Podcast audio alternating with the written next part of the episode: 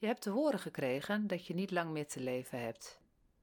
Die boodschap zal een enorme schok teweeg hebben gebracht. Het voelt misschien alsof de bodem onder je voeten weggeslagen is. Wat nu? Wil jij meer regie over het laatste stukje van jouw leven? Luister dan naar deze aflevering.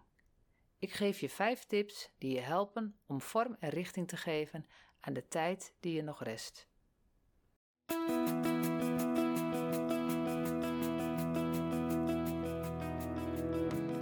Wat leuk dat je naar podcast De Laatste Adem luistert. Mijn naam is Mirjam Koetsen en ik begeleid mensen die in de laatste fase van hun leven zitten, zodat ze deze periode op hun eigen wijze en op een waardevolle manier kunnen afsluiten.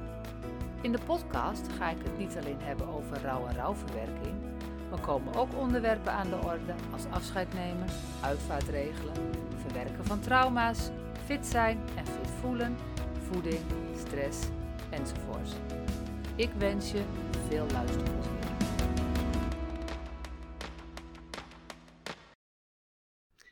Je hebt te horen gekregen dat je ziek bent en dat je misschien niet meer beter wordt.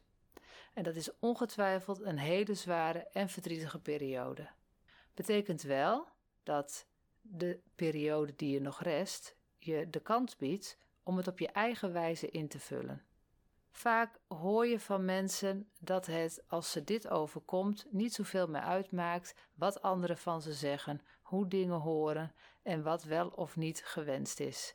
Ze worden eigenlijk veel meer zichzelf en gaan veel meer de dingen doen die ze of altijd hebben willen doen, uh, of waar ze gewoon nooit aan toegekomen zijn. En je leven op je eigen wijze afsluiten is echt een hele waardevolle manier. Niet alleen voor jezelf, maar ook voor de mensen in je omgeving. De dierbare herinneringen zullen hun helpen om de rouw na het overlijden te verwerken. En ja, het is eigenlijk een heel mooi geschenk voor de nabestaanden. Nou, welke tips zijn er om de regie over je eigen leven terug te nemen? We beginnen met tip 1. Accepteer de situatie zoals die is. En dit is ook meteen de moeilijkste tip. Want iets accepteren, hoe doe je dat? Helemaal iets wat zo definitief is, terwijl je misschien nog heel veel andere plannen in het leven had. Accepteren is loslaten van de uitkomst die je in gedachten had. En het is ook je op een ontspannen manier laten meedrijven op de golven van het leven. Er is een gedicht van de Amerikaanse theoloog Reynold Niebuhr, dat heet de Serenity Prayer. En het is een gebed op kalmte, oftewel sereniteitsgebed. En daar staat een heel mooi stukje tekst in. En dat stukje tekst wordt heel vaak gebruikt bij zelfhulpgroepen, maar ook bijvoorbeeld bij de AA. Hij gaat als volgt: Geef me de moed om te veranderen wat ik kan veranderen. Geef me de wijsheid om te accepteren wat ik niet kan veranderen. Geef me het inzicht om het verschil tussen beide te zien. Waar het om gaat is dat je gaat stoppen met vechten. En stoppen met vechten zorgt dat je energie hebt voor andere dingen. Accepteren is geen lineair proces, dus je gaat niet van A naar B naar C. Je gaat van A naar C en soms van A naar B naar C en dan weer terug naar A. En het kan ook heel goed zijn dat je als je denkt dat je bij Z aangekomen bent en dat je geaccepteerd hebt dat je leven eindig is, dat je om wat voor reden dan ook opeens zomaar weer bij A of bij B zit. Weet dat dit heel normaal is en weet ook dat iedereen hier doorheen gaat. Er wordt me wel eens gevraagd: ja, hoe lang doe je daar nou over? Hè? Hoe lang is het, eh, hoor je te rouwen? Nou, daar is geen antwoord op te geven. Er staat geen tijd op het leren accepteren van je, nou, zullen we het je lot noemen? Ik weet niet hoe je het anders moet noemen. Dus het, het maakt niet uit. De een kan het wat sneller dan de ander, maar je kunt niet zeggen het moet met zoveel uur, zoveel dagen, zoveel weken, zoveel maanden klaar zijn. Dat verschilt echt van persoon tot persoon. En kijk ook niet te veel naar anderen. Want je kunt misschien wel de indruk hebben dat iemand het geaccepteerd heeft, maar jij weet niet uh, hoe het echt met die persoon gaat. En je weet ook niet hoe die persoon zich thuis uh, gedraagt en hoe die zich thuis voelt. Dus kijk gewoon naar jezelf en weet dat uh, gun jezelf de tijd om te rouwen. Tip nummer 2. Doorleef de emoties. Accepteren van een situatie betekent niet dat je nooit meer boos mag zijn en ook helemaal geen verdriet meer mag voelen. Juist het omgekeerde. Accepteren betekent dat je jezelf toestaat boos te zijn met alle emoties die erbij horen, maar ook al je verdriet te doorvoelen.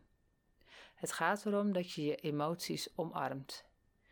En vaak zul je ook merken dat als je dat toelaat, er een verzachting optreedt. Dat je na verloop van tijd dat het verdriet echt wel wat minder wordt.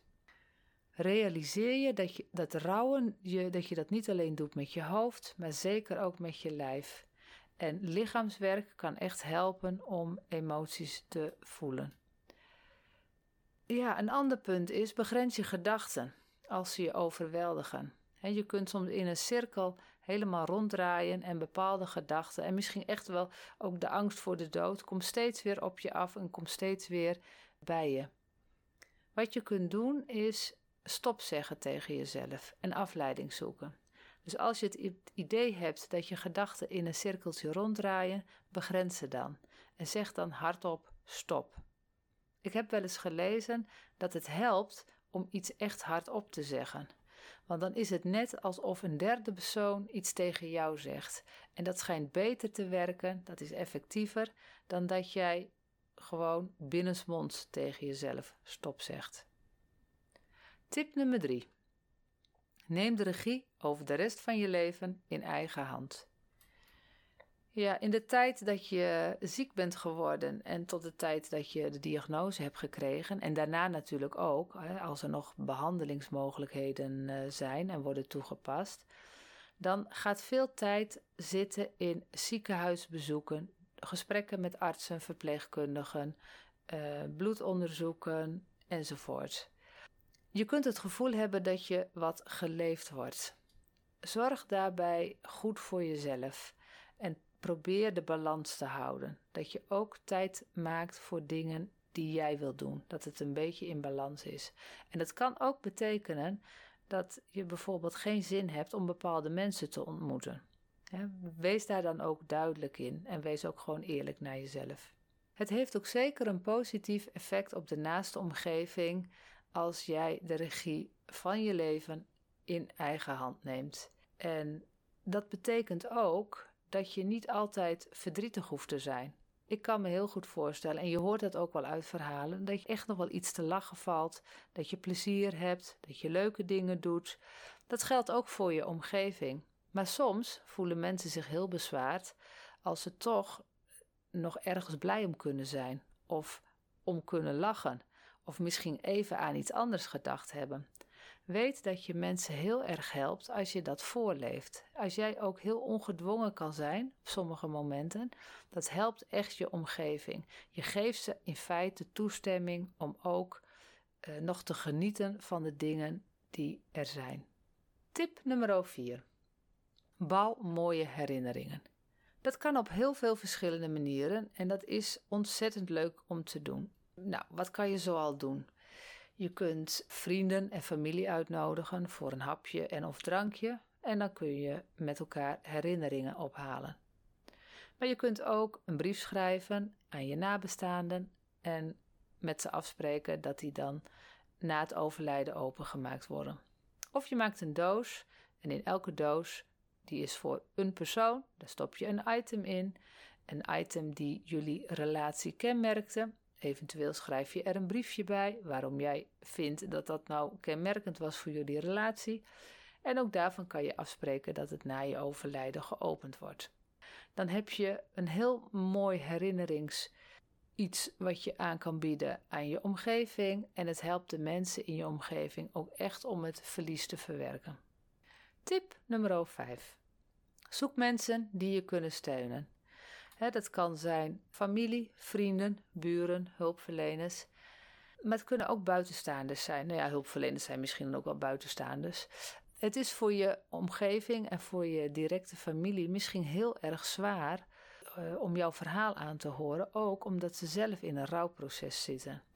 En het kan zijn dat je denkt van, nou, ik zeg niet precies wat ik voel of wat ik denk, want dan doe ik mijn omgeving nog meer verdriet. Maar het kan wel zijn dat je daar heel veel behoefte aan hebt.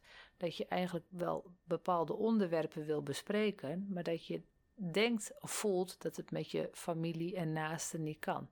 Nou, dan zou je heel goed een stervensbegeleider in kunnen schakelen. Of je zou ook heel goed contact kunnen zoeken met mensen die lichaamsgericht werken.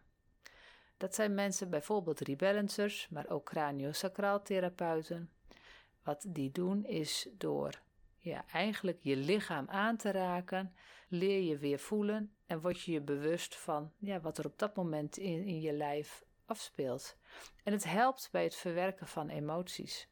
En uiteindelijk kan dat leiden tot meer rust, maar ook helderheid en minder gevoel van machteloosheid.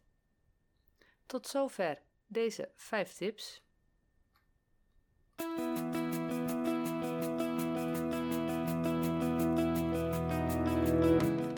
Dat was het alweer voor deze keer. Ontzettend leuk dat je naar deze aflevering van de Laatste Adem podcast hebt geluisterd. Voor nu een hele fijne dag. Vond je deze podcast leuk? Deel hem dan met vrienden en mensen in je omgeving. Tot de volgende keer.